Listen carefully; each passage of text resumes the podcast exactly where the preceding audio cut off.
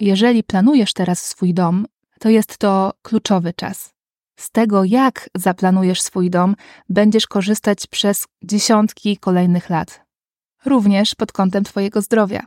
Zdrowie to nie jest pierwsza rzecz, o której się myśli, planując dom, ale myśli się o nim, jak już jest z nim problem. Dlatego opowiem Ci o nim dzisiaj. Zapraszam.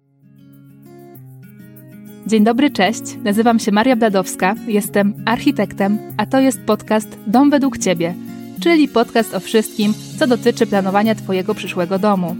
Cokolwiek może Ci pomóc, żeby Twój projekt był lepszy, tutaj to znajdziesz. Nie wiem jak wy, ale ja mam wrażenie, e, że ze względu na przetworzone jedzenie, e, ze względu na brak ruchu naszego społeczeństwa, tak generalnie, e, no to ten temat zdrowia jest wałkowany przez różnych specjalistów, no i w różny sposób. W sklepach, półki z żywnością bio i tak dalej. Więc ja też dołożę do tego swoją cegiełkę i opowiem Wam o tym, w jaki sposób budynki wpływają na nasze zdrowie, a wpływają bardzo. Temat jest bardzo ważny, dlatego że budynki nie funkcjonują tak, jak kiedyś funkcjonowały. One są teraz bardziej szczelne. Stosujemy izolację e, ze styropianu, e, z wełny mineralnej, zwracamy uwagę na zużycie energii e, i kiedyś tak nie było. I dobrym przykładem tej różnicy, która zaszła, jest na przykład często przeprowadzana taka pseudo-modernizacja e, budynków wielorodzinnych, gdzie po zamontowaniu nowych okien PCV pojawia się grzyb w budynku po niedługim czasie. I to wynika z tego, że nagle to miejsce, gdzie było okno, to miejsce, które było nieszczelne i ono dostarczało do domu świeże powietrze i napędzało wentylację grawitacyjną, i nagle to miejsce zrobiło się szczelne. I teraz nie ma skąd wziąć tego powietrza, żeby wypchnąć to stare, to zużyte. Tak się dzieje w przypadku, kiedy termomodernizacja nie była kompleksowa. Nie wymieniono instalacji i tak dalej, tylko wymieniono okna. I tak to się kończy. Więc to postępowanie z budynkiem wymaga takiej całościowej wiedzy, całościowego spojrzenia. I ten odcinek, on będzie trochę mm, z jednej strony inny niż poprzednie, ale z drugiej strony będzie bardzo podobny. Bo celem tego odcinka, tak samo jak każdego innego, jest po prostu wasz lepszy projekt. Jeżeli budujecie dom dla siebie i dla swojej rodziny od zera, od pustej działki, to macie teraz, w tym momencie, bardzo duży wpływ na przyszłe zdrowie was wszystkich. I dlatego ten temat jest ważny. My, słuchajcie, spędzamy w budynkach ponad 90% naszego czasu, niektórzy więcej, e, więc to jest największa część naszego życia, e, ta spędzona właśnie w budynkach, a przede wszystkim w domu. I my cały czas oddychamy powietrzem, które jest w tym domu. Cały czas. A jeżeli na przykład powietrze jest zanieczyszczone w jakikolwiek sposób, no to te zanieczyszczenia po prostu kończą w naszych płucach, w naszym organizmie. Więc to jest ważne, dlatego że może coś się dziać z waszym zdrowiem i myślicie, że się nie wysypiacie albo może źle jecie, a to może być problem po prostu z budynkiem, a nie z wami. Także opowiem Wam dzisiaj o tym, w jaki sposób budynki wpływają na nasze zdrowie. Będą trzy konkrety, a w przyszłym tygodniu też e, będę kontynuowała ten temat, opowiem Wam co dalej. E, w każdym razie po kolei. Pierwsza rzecz to jest oczywiście światło. Światło naturalne. Opowiadałam Wam już o tym w piątym odcinku podcastu, ale nie zaszkodzi e, powtórzyć, bo brak światła dziennego w odpowiedniej ilości skutkuje problemami e, z produktywnością e, w pracy, ze skupieniem, z depresją, problemami ze snem, ospałością. Były, słuchajcie, badania w 2002 roku i na przykład pracownicy, którzy byli przeniesieni do pomieszczeń lepiej oświetlonych światłem dziennym, podnieśli swoją produktywność o około 15%. Albo też na przykład uczniowie w klasach, to też było inne badanie, też w tym samym roku, uczniowie w klasach, które miały lepsze światło, mieli lepsze wyniki od 7 do 18% w takich testach, wiadomo, takich standaryzowanych, e, żeby to dobrze sprawdzić. Dotyka też niektórych z nas depresja zimowa, czyli choroba afektywna sezonowa, no i wiecie, też na przykład osoby z krajów północnych mają te problemy związane z brakiem słońca większe. A przecież można by było powiedzieć, że oni mieszkają w takich warunkach już od urodzenia, więc się powinni przyzwyczaić. Ale właśnie nie. Niestety, nie przyzwyczają się. Dlatego, że to już jest udowodnione naukowo, że zegar biologiczny jest związany z genetyką i on nie zależy od naszej woli albo jakichś naszych przyzwyczajeń, czynników zewnętrznych. Dowiedziono yy, i w ogóle naukowcy, którzy tego dowiedli, dostali za to Nobla. No i oni dowiedli, że istnieje gen, który kontroluje nasz zegar biologiczny. I ten gen steruje produkcją białka, i ten poziom tego białka się zmienia w ciągu doby, i w dzień jest go mniej, a w nocy jest go więcej. Więc słońce reguluje nasz tryb. I słońce reguluje też nasze hormony. To są trzy hormony: serotonina, czyli hormon szczęścia. Opowiem Wam, żebyście to zrozumieli, żebyście e, mieli pewność, o co tutaj chodzi. Są trzy hormony, które e, są regulowane przez słońce: serotonina, czyli hormon szczęścia, kortyzol, czyli to jest ten e, hormon, który odpowiada za stres, za taki stan gotowości, i trzeci hormon to jest melatonina. I melatonina pozwala nam e, zasnąć. Hormon snu, e, tak zwany. No i w jaki sposób słońce te hormony nasze reguluje?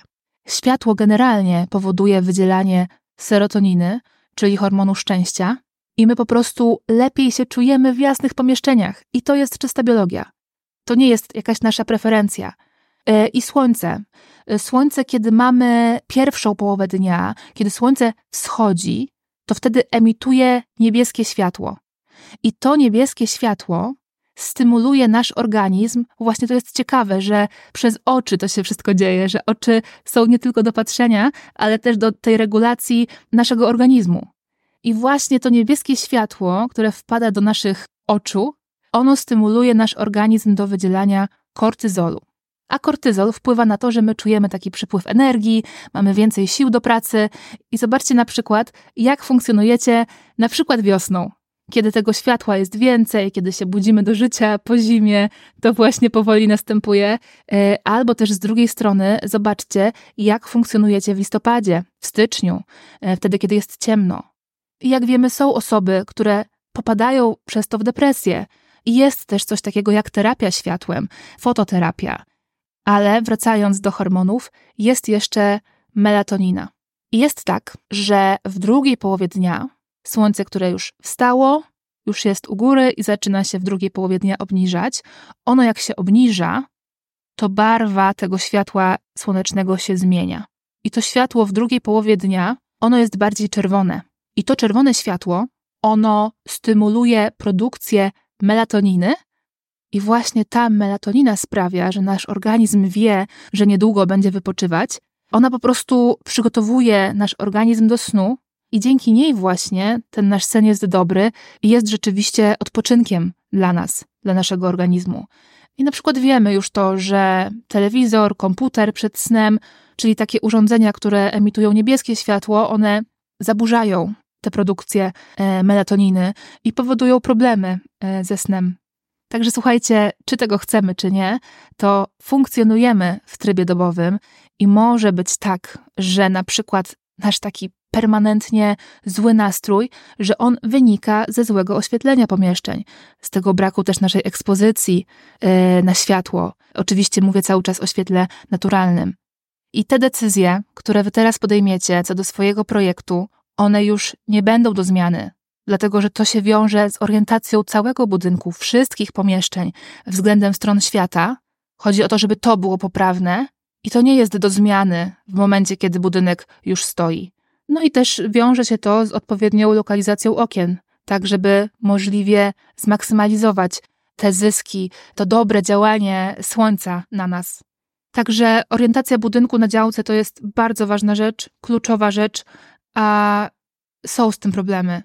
Ja oglądam projekty, które naprawdę pod tym kątem bardzo kuleją, a to jest najważniejsza rzecz. Także nawet nie układ funkcjonalny, ale orientacja budynku względem stron świata.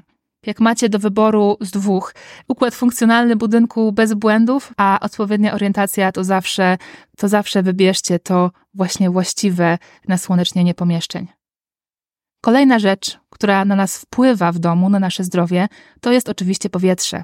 jakość powietrza, które my wdychamy do swoich płuc. I tutaj jest kilka rzeczy.